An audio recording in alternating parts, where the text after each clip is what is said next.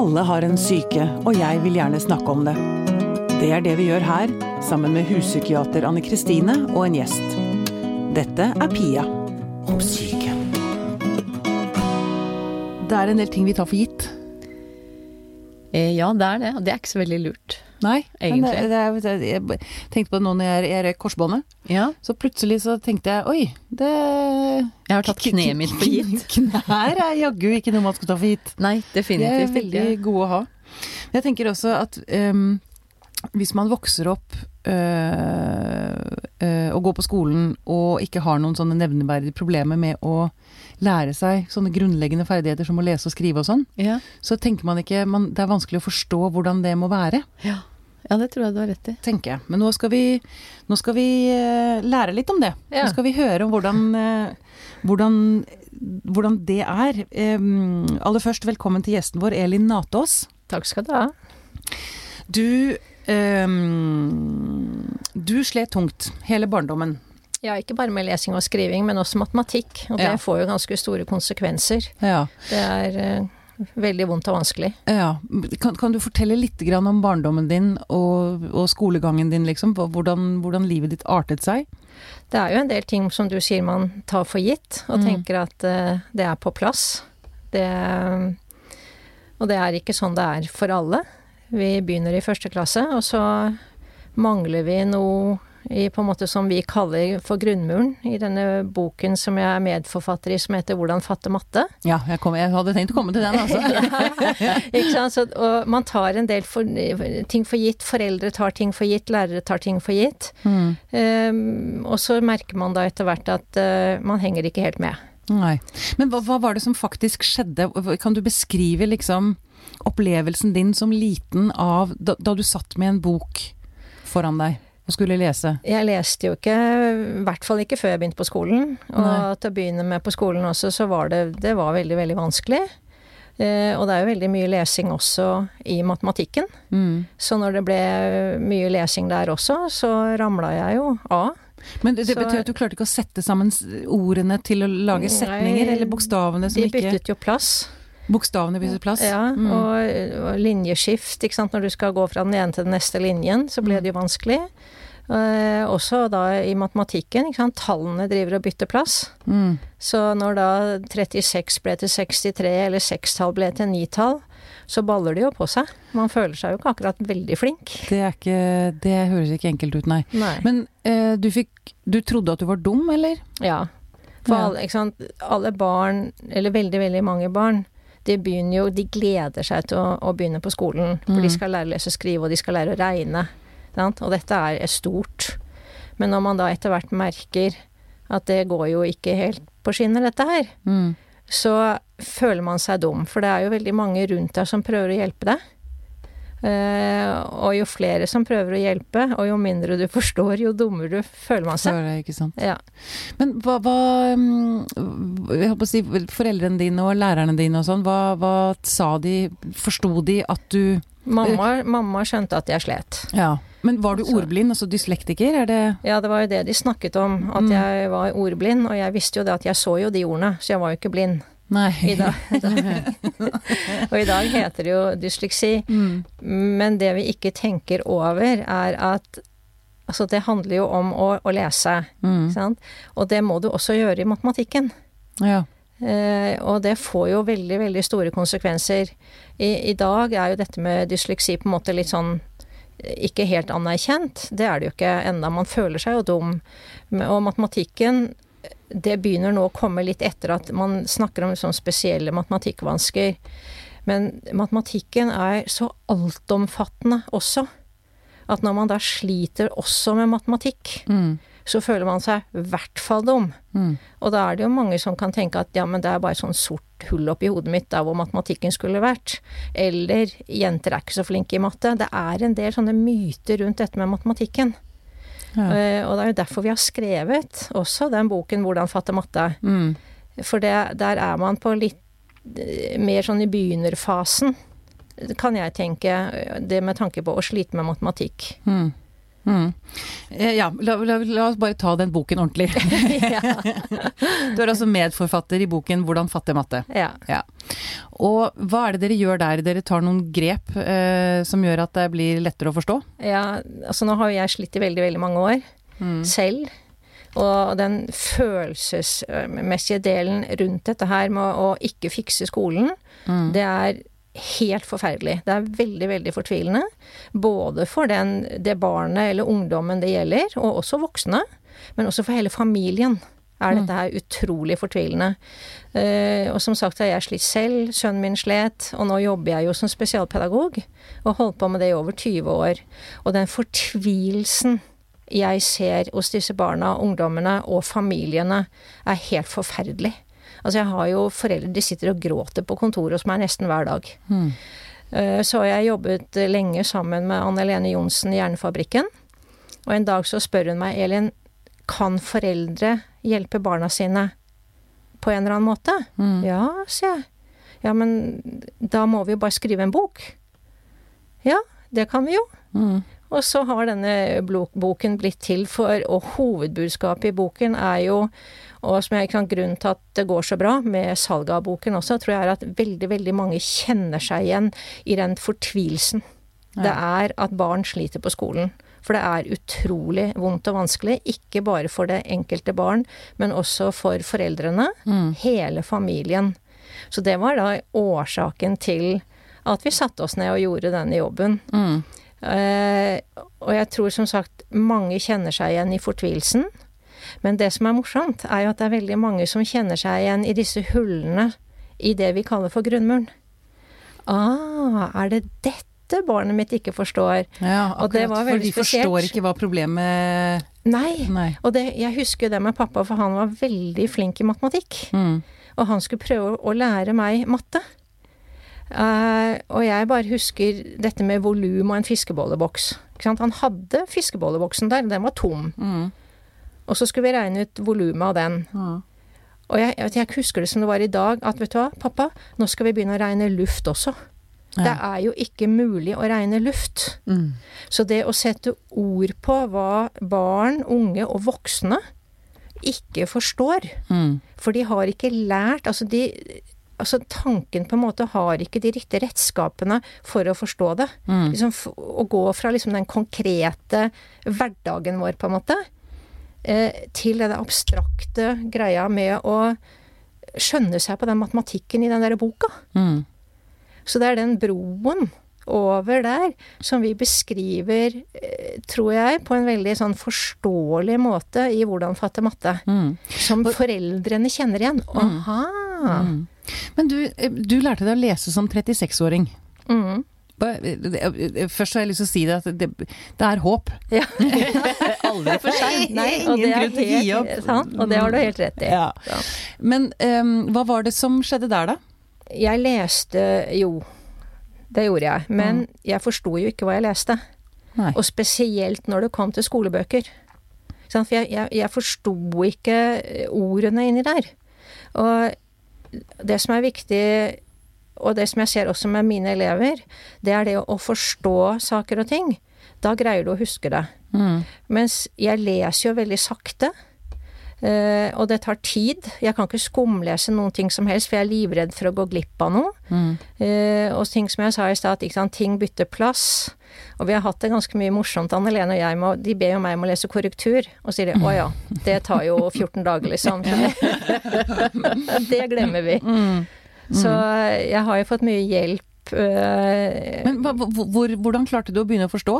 I en alder av 36, hva var det som liksom jeg var var jo så heldig at jeg fikk en sønn Mm. eh, i 1983, og han begynte på skolen i 1991.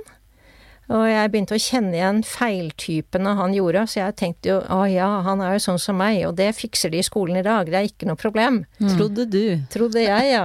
Og da fikk jeg jo helt sjokk.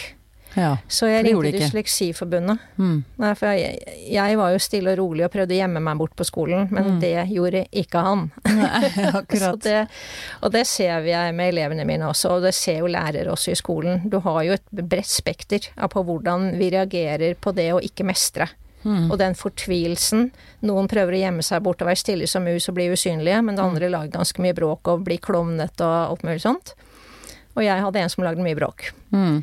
Så eh, da tok jeg kontakt med Dysleksiforbundet Og så fikk jeg beskjed om å ta kontakt med Ragnhild og Magne Nyborg, som driver noe som eh, Altså, de startet noe som het Institutt for anvendt pedagogikk i Asker. Mm. Så jeg bare ringte og stilte på døra der veldig tidlig klokken åtte om morgenen en dag, husker jeg. Eh, Magne var professor på Universitetet i Oslo, og Ragnhild var praktikeren, men hun holdt også på med doktorgraden sin. Og når jeg kom dit, så bare skjønte jeg at her skal vi være. For her De, de driver med noe som jeg trenger. Det er, altså, det er nesten som om jeg manglet noen vitaminer på en måte, skjønner du? Ja, ja. Og så plutselig så fikk jeg det. Ah. Og det er liksom Tanken fikk noen redskaper som jeg kunne bruke til å tenke med. Akkurat. Som ingen hadde lært meg tidligere. Mm. Og da startet jeg på første og annenklassepensum sammen med min sønn. Og plutselig så falt brikkene på plass. Og det er da denne grunnmuren som vi skriver om i Hvordan fatte matte, som vi tar for gitt. Ja. Altså vi tar for gitt at knærne funker og ryggen funker og sånn. Men eh, jeg manglet en god del av disse her steinene i den grunnmuren min. Mm. Og det er veldig vanskelig å bygge noe oppå en sviktende grunnmur. Ja, og tenk deg, altså vi har jo så mange dyktige lærere. Mm. Og jeg ser for meg da en, en hel haug med seksåringer som har begynt i første klasse. De kommer jo med hver sin grunnmur inn i første klasse, Mm. og så skal læreren bygge dette huset. Som det er å lære å lese, skrive og regne på alle disse forskjellige grunnmurene. Det er jo en beintøff jobb. Mm. Og så er det jo beundringsverdig at det går så bra som det gjør, egentlig. Mm. Men vi kan gjøre det på en helt annen måte, som vil fungere Mm. så mye bedre for så veldig mange. Mm. Og det skriver vi om i Hvordan fatte matte. Ja. Og responsen fra foreldre, men også veldig mange lærere, er helt fenomenal. Det er veldig gøy. Mm. Det var veldig morsomt. Og veldig, veldig nødvendig. Åh, veldig, veldig nødvendig. Ja. Ja. Men um, det er jo Vi ser jo en økning i antall unge som faller ut av skolen, Dessverre. dessverre. Ja. Um, hva kan man gjøre med det? Altså, jeg, tenker at vi er inne på noe her, da. Jeg tror vel at man faller ut fordi man enten ikke mestrer, eller fordi man ikke er interessert, eh, eller man ikke ser noen verdi av det man bruker tiden sin på. Ja. Altså, ikke sant? Ja. Går, går det an å gjøre noe med det? Helt klart. Ja. Det, når det funka på meg, så funker det jo på de fleste, kan jeg tenke. Men du, alle de som jeg- faller ut er vel neppe dyslektikere? Nei da. Og det er jo ikke eh, bare dysleksien. Eh, Det er på en måte når da har du så store lese- og skrivevansker at man kaller det for et eller annet. Jeg er jo ikke interessert. Altså diagnoser for meg er helt uinteressant. Det er liksom Hva er årsaken? Mm. Og jeg tenker det at det, man kan starte veldig tidlig med å snakke med barna sine. Mm. Sant? Og Derfor så henvender vi oss også til foreldre i hvordan fatte matte. For det er en måte å snakke til barna sine på som er veldig sånn presis språkbruk.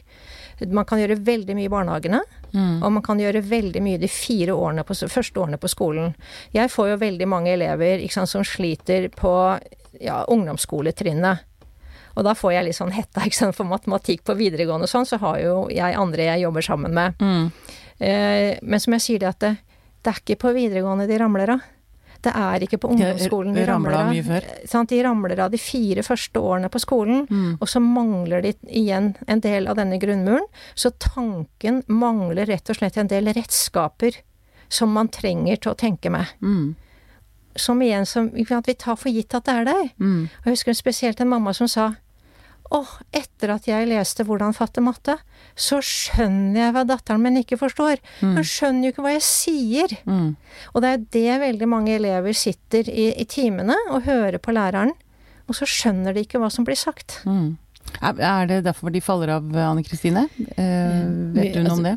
Ja, altså Vi vet jo selvfølgelig ikke nok om hvorfor ungdom faller ut, men det vi vet noe om, det er at eh, mestringsopplevelser og det å få det til på skolen er en viktig tilstedefaktor. Ja. Altså at hvis eh, ungdom opplever at de mestrer skolearbeidet, i tillegg til å, å være trygg på læreren og føle tilhørighet, så skal det mye mer til at de faller ut. Ja, mm. Fordi at de som faller ut, de er jo ikke late og dumme og umulige og giddasløse. Det er jo noe med det at eh, kostnaden ved å være på skolen blir for stor. Mm. At man sitter og kjenner på å føle seg dum eller mislykka, eller, eller litt det der at det er jo ikke noe vits, for jeg skjønner det ikke allikevel. Ja. Ja. Og, og som du sier, altså jeg har ikke møtt en eneste unge eller ungdom som er lat. Nei. Altså de har jobba og jobba og jobba i årevis, og så får de ikke til. Og allikevel så fortsetter de å gå på skolen. Altså det er beundringsverdig, tenker jeg. Eh, og tenk dere selv, altså dette med mestring.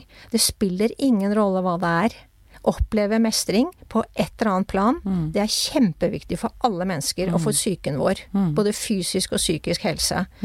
Og man, altså man kan jo tenke seg Tenk hvis vi måtte gå på jobben i 13 år, og hver dag oppleve manglende mestring. At vi kom til kort. Og så kan vi ikke slutte. Mm. For dette er jo egentlig jobben til barna, og de må være der i 13 år. Oh, Og de kan-. Ja. Sant? Og det er jo den følelsesmessige delen av dette her som blir et stort, stort problem for veldig mange barn, unge og familier. Og igjen, det er derfor vi har skrevet denne boken. Mm. Mm. For vi, orker, altså vi virkelig ønsker å bidra. Mm. For dette, veldig, veldig mye av dette her er egentlig helt unødvendig. Ja. Og jeg, jeg har bare lyst til å si at jeg tror det er så riktig det du sa om det at å falle ut av skolen skjer ikke på videregående. Nei. Og det var en, eh, en ung mann, han sa det veldig presis. Han sa 'jeg falt ut av videregående allerede i barnehagen'. ja. ja. Altså fordi at eh, det var bare da han var stor nok til å kunne gjøre noe aktivt med det. Men han hadde jo kjent på det som du beskriver, altså det å gå disse, alle disse årene med en følelse av å ikke høre til, ikke 'dette er ikke for meg'. Men så måtte han, og så var det først da han kom på videregående at det gikk an uten at uh, det liksom fikk Ja. sånne andre konsekvenser. Da. Ja. For jeg ser jo ikke sant, elever som kommer, og familier som kommer til meg, så start, og så tenker de at det, oi, enda mer matte. Og de kommer allikevel, altså. Og det er helt fantastisk at de virkelig Altså, de har på en måte gått gjennom isen en million ganger. Og så tør de å prøve en gang til. Altså, jeg begynner å grine bare ved tanken Ja. omtrent. Sant? Det er helt fantastisk. Mm. Så da er jo ikke jeg så dum at jeg begynner med matten. Nei, ikke Ikke sant? sant? For da kommer jo ikke de altså, fordi da blir det enda mer manglende mestring, og det har de ikke lyst til å kjenne noe mer på. Mm. Så jeg begynner å bygge denne grunnmuren, og det har de aldri vært med på før. Og det er veldig moro. Mm. Og så detter brikkene på plass. Ja. Og så trekker jeg disse eh, brikkene, da, disse grunnmursteinene, kall det hva du vil. Altså det handler om begreper. Det trekker jeg inn i fagene. Og så er det sånn Aha! Hvorfor er det ingen som har sagt det før? Mm. Og da, du ser sola kommer opp i øynene igjen, for de har jo liksom Det er nesten sånn du ser det i øynene at lyset har sluknet. Mm. Og når du da opplever at den sola kommer tilbake igjen, vet du, det er, det er ubeskrivelig. Ja, det Og jeg ser det med foreldrene også. Mm. Altså, de, de, de stråler jo. Mm. Ja, fordi at du tilbyr en mestringsopplevelse. Mm. Men du Elin, um, da du, du gikk jo på skolen da på 60-tallet. Ja. Og eh, det var kanskje Dette var ikke så vanlig, eller var ikke så lett å fange opp den gangen. Det er kanskje lettere å fange opp barn som har mestringsproblemer, Ja. med læ- lærevansker i Ja dag. da. Men så lurer jeg også på om eh, presset er vel også blitt tilsvarende tøffere i dag? Eh, altså Ja. det er enda verre. Altså, eh, som du sa da vi snakket sammen på telefonen. Ja. Før så man, var man garantert jobb. Ja. Det er man jo ikke lenger. Nei. Så det stresset som blir påført både barn og unge, det er verre, tenker jeg i dag, med tanke på å skaffe seg jobb. Mm. For de får jo ikke jobb hvis ikke de har videregående. Mm. Da, du, du får bare ikke jobb. Og det som også som jeg syns er ganske ille, er jo i yrkesfagene, hvor de kjører et yrkesløp, og så får de ikke lærlingeplasser. I tillegg på at de kanskje har slitt på skolen. Så i dag blir konsekvensene så veldig store. Og stresset blir bare enda større. For de vet at jeg må mestre, jeg må mestre, jeg må komme meg videre, jeg må få nok poeng til å komme videre.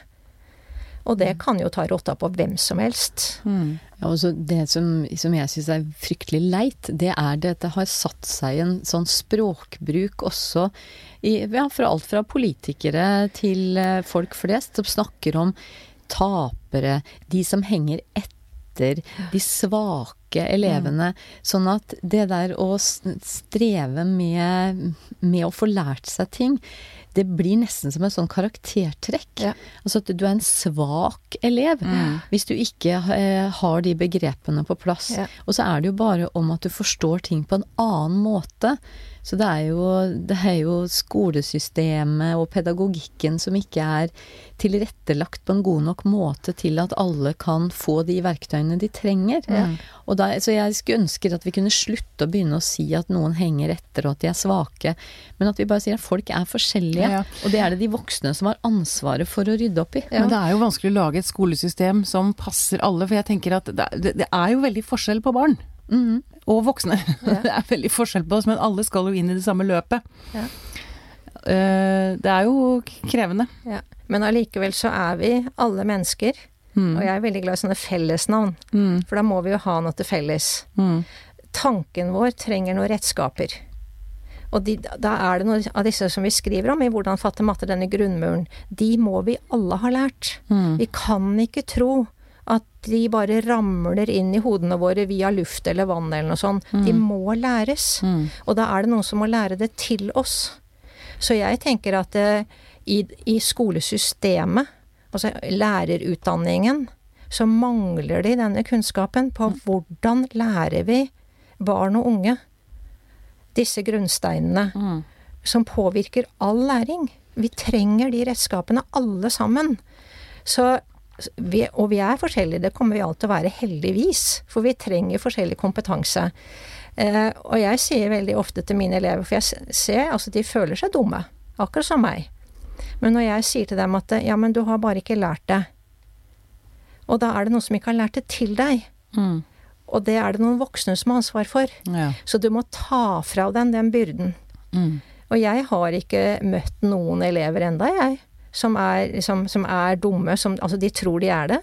Som jeg sier det at det, hvis det hadde vært sånn, så hadde jo ikke du vært så fortvila.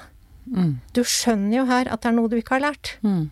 Og ansvaret for den læringen er jo oss voksne. Ja, nettopp. Så vi må ta fra det ansvaret og den byrden det er å gå rundt og føle seg dum. Mm. Og det sentrale her er jo det at det kanskje lærere og ja, hele veien opp igjennom må eh, bidra med, det er å lære barn å lære. Ja. Og hvis man først kan å lære, Ja. så kan man jo tilegne seg hvilken kunnskap som helst. Mm.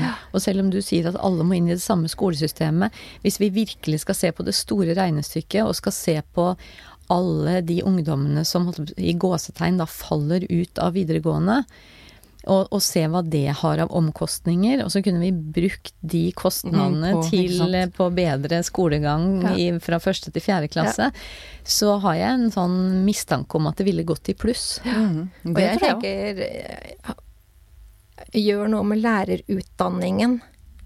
For det at lærere må lære å undervise barna i denne grunnmuren. Ja. Så igjen, ikke sant, vi har jo fått en god del lærere som har kommet med veldig mye positive tilbakemeldinger på hvordan fatte matte, for de får sånn aha-opplevelse. Mm. For de, har, de tror at barna kan dette her når de begynner i første klasse.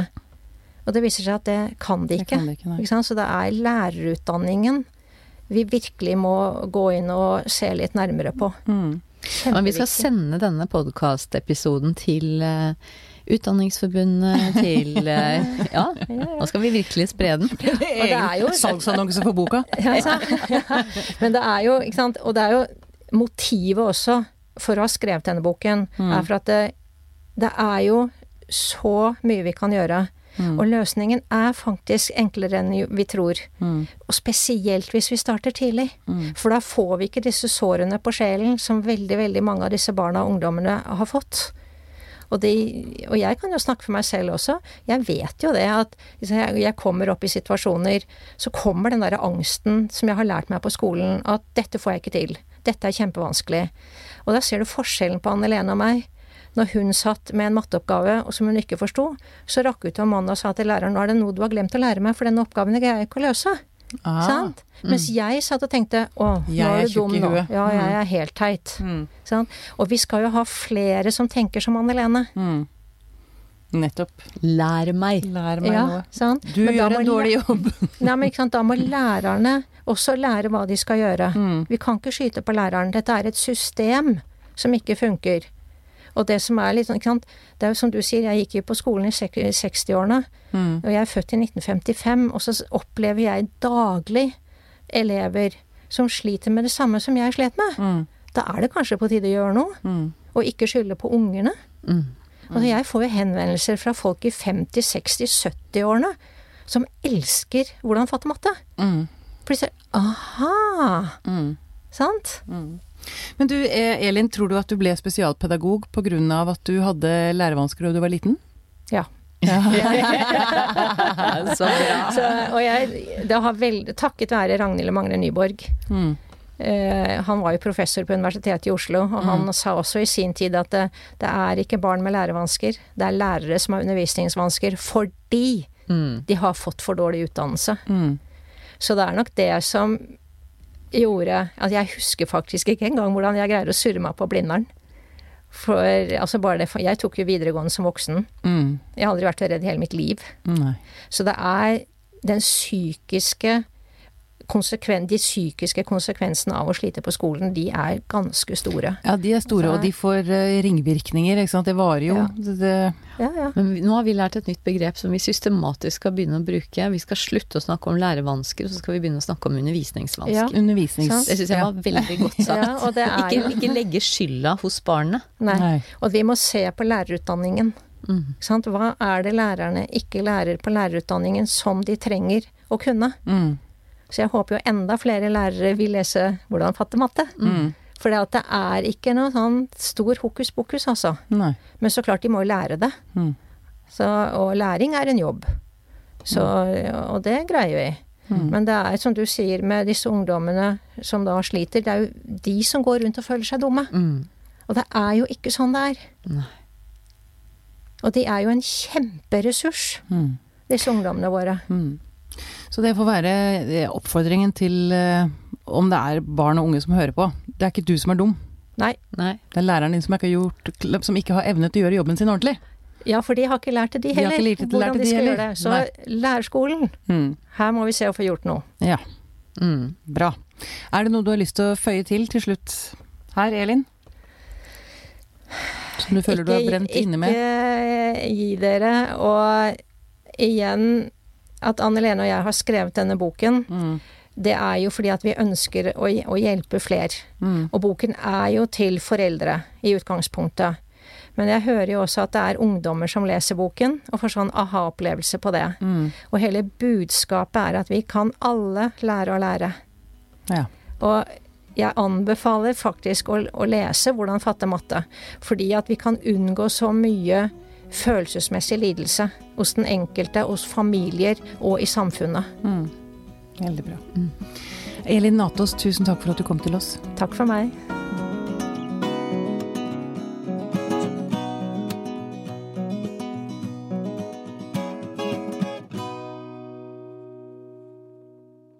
Denne podkasten er produsert av Tid og Lyst.